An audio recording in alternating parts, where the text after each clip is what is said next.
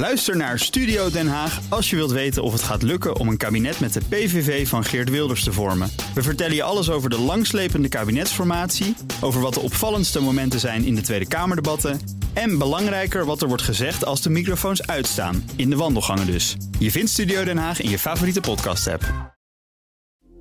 Dit is een BNR podcast. Postma in Amerika. Tijd voor het Amerikaanse nieuws door de ogen van onze correspondent in Washington, Jan Postma. Jan, Valentijnsdag was een inspiratie voor de campagnes? Maar met weinig uh, romantiek, eh, Bernard. Het, uh, het, Witte Huis stuurde via Twitter een gedichtje... met daarbij een foto van Mike Johnson, de leider van de Republikeinen in het huis. En er stond bij... Roses are red, violets are blue... The border deal has crushed because of you. Geen liefdesverklaring dus. Dat ging over die, uh, die grote deal die niet doorging... die ook invloed heeft op ons en op Oekraïne natuurlijk. Nikki Haley stuurde e-mails met liefdesverklaringen... van Donald Trump aan dictators. Dus bewonderende uitspraken van Trump over Xi Jinping, over Kim Jong-un, over Poetin, over de Taliban zelfs. Uh, met de uitspraak van Trump steeds in een rood hartje. Uh, Kim Jong-un bijvoorbeeld. Kim schreef heel mooie brieven. Great letters. We fell in love. Uh, toch een beetje liefdesverklaring. En Trump zelf dan, die stuurde een e-mail naar geldschieters met als onderwerpregel aan Melania, zijn vrouw dus. Does anything say I love you more than a fundraising email based on the litany of criminal charges against you? So Donald Trump just sent out a fundraising pitch that reads Dear Melania, I love you. Even after every single indictment, arrest, and witch hunt, you never left my side. Ja, het begon zo romantisch, uh, legt CNN hier uit. Uh, uh, in deze mail bedankt Trump dus Melania dat ze altijd aan zijn zij bleef staan. Ook tijdens al die rechtszaken en aanklachten. En dan ontspoort het een beetje, want dan gaat het alleen nog maar daarover. En daarna vraagt hij natuurlijk om geld, want daar ging het natuurlijk uiteindelijk om. Dus een soort liefdesverklaring ook, maar wel op zijn Trumps. Ja, zondag was de Super Bowl met een opvallende afwezige en een opvallende aanwezige.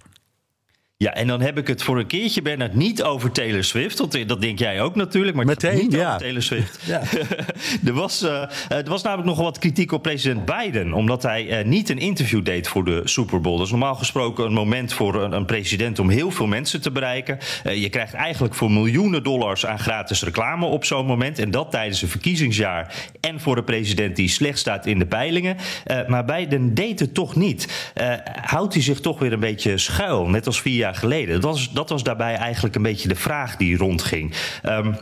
Beiden dus afwezig, maar tijdens die Super Bowl was er wel een verrassing tijdens een van die vele reclamebreaks. De duurste reclameblokken van het jaar. En daar was ineens een spotje van een andere presidentskandidaat. En die gebruikte het geld van een oud klassiek spotje.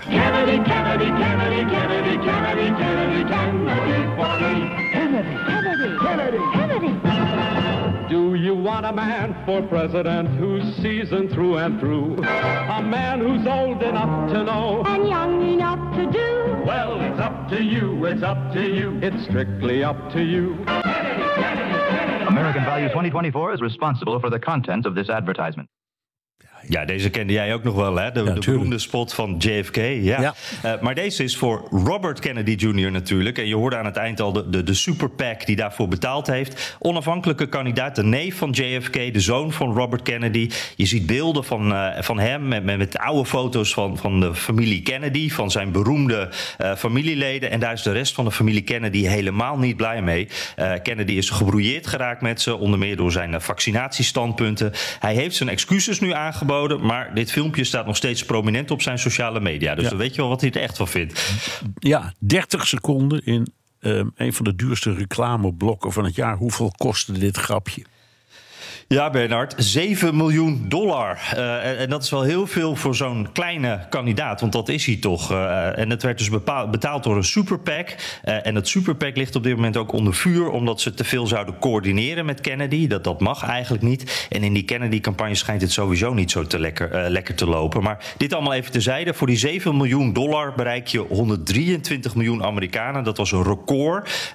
minus de mensen die even naar het toilet waren. Natuurlijk. Ja, hey, John Stewart is terug op tv, was jarenlang de stem van de politieke satire. Hoe waren de cijfers?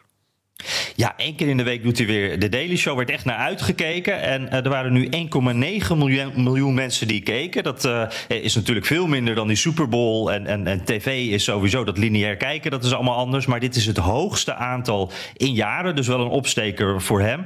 En het was eigenlijk alsof hij nooit is weg geweest. Uh, het belangrijkste onderwerp was leeftijd van Biden en van Trump. They are the oldest people ever to run for president, breaking by only four years the record that they set. Ik moet zeggen, ik vond het wel knap dat hij het zo weer oppakte. Echt alsof hij nooit weg is geweest. Maakte ook grappen over zijn eigen hogere leeftijd. Uh, wat ook wel terecht was, uh, vond ik. Uh, je kan na één aflevering nog niet zo hard oordelen natuurlijk. Maar ik vraag me wel een beetje af ondertussen of Stewart's grappen en zijn methodes... of dat nog wel zo goed werkt allemaal in deze tijd. Maar we volgen het met interesse. En ja, Jon Stewart eindigt zijn show altijd met Your Moment of Zen. Ik heb er ook eentje voor je. Diplomatie volgens Marjorie Taylor Greene. de Britse minister van Buitenlandse Zaken vergeleek haar en andere republikeinen die tegen dat hulppakket voor Oekraïne stemden met appeasers van Hitler en dus ook van Poetin. Here it is, your moment of zen. Are you an appeaser for Putin? I, I think that um, I really don't care what David Cameron has to say. I think that's rude name calling, um, and I don't appreciate that type of language. And David Cameron needs to worry about his own country, and frankly, he can kiss my ass. Ja, dank je. Mooi hè? Diplomatie op zijn Marjorie ja, ja, en keurige taal, toch? Ja. Dankjewel, Jan Posma, correspondent in Washington. Wilt u meer horen over dat fascinerende land? Luister dan naar de Amerika-podcast van Jan en mij.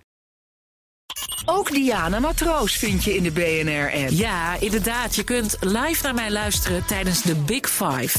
Ook handig in de BNR-app. Breaking nieuwsmeldingen, maar ook het allerlaatste zakelijke nieuws. En je vindt in de app alle BNR-podcasts, waaronder Wetenschap Vandaag. Download nu de gratis BNR-app en blijf scherp.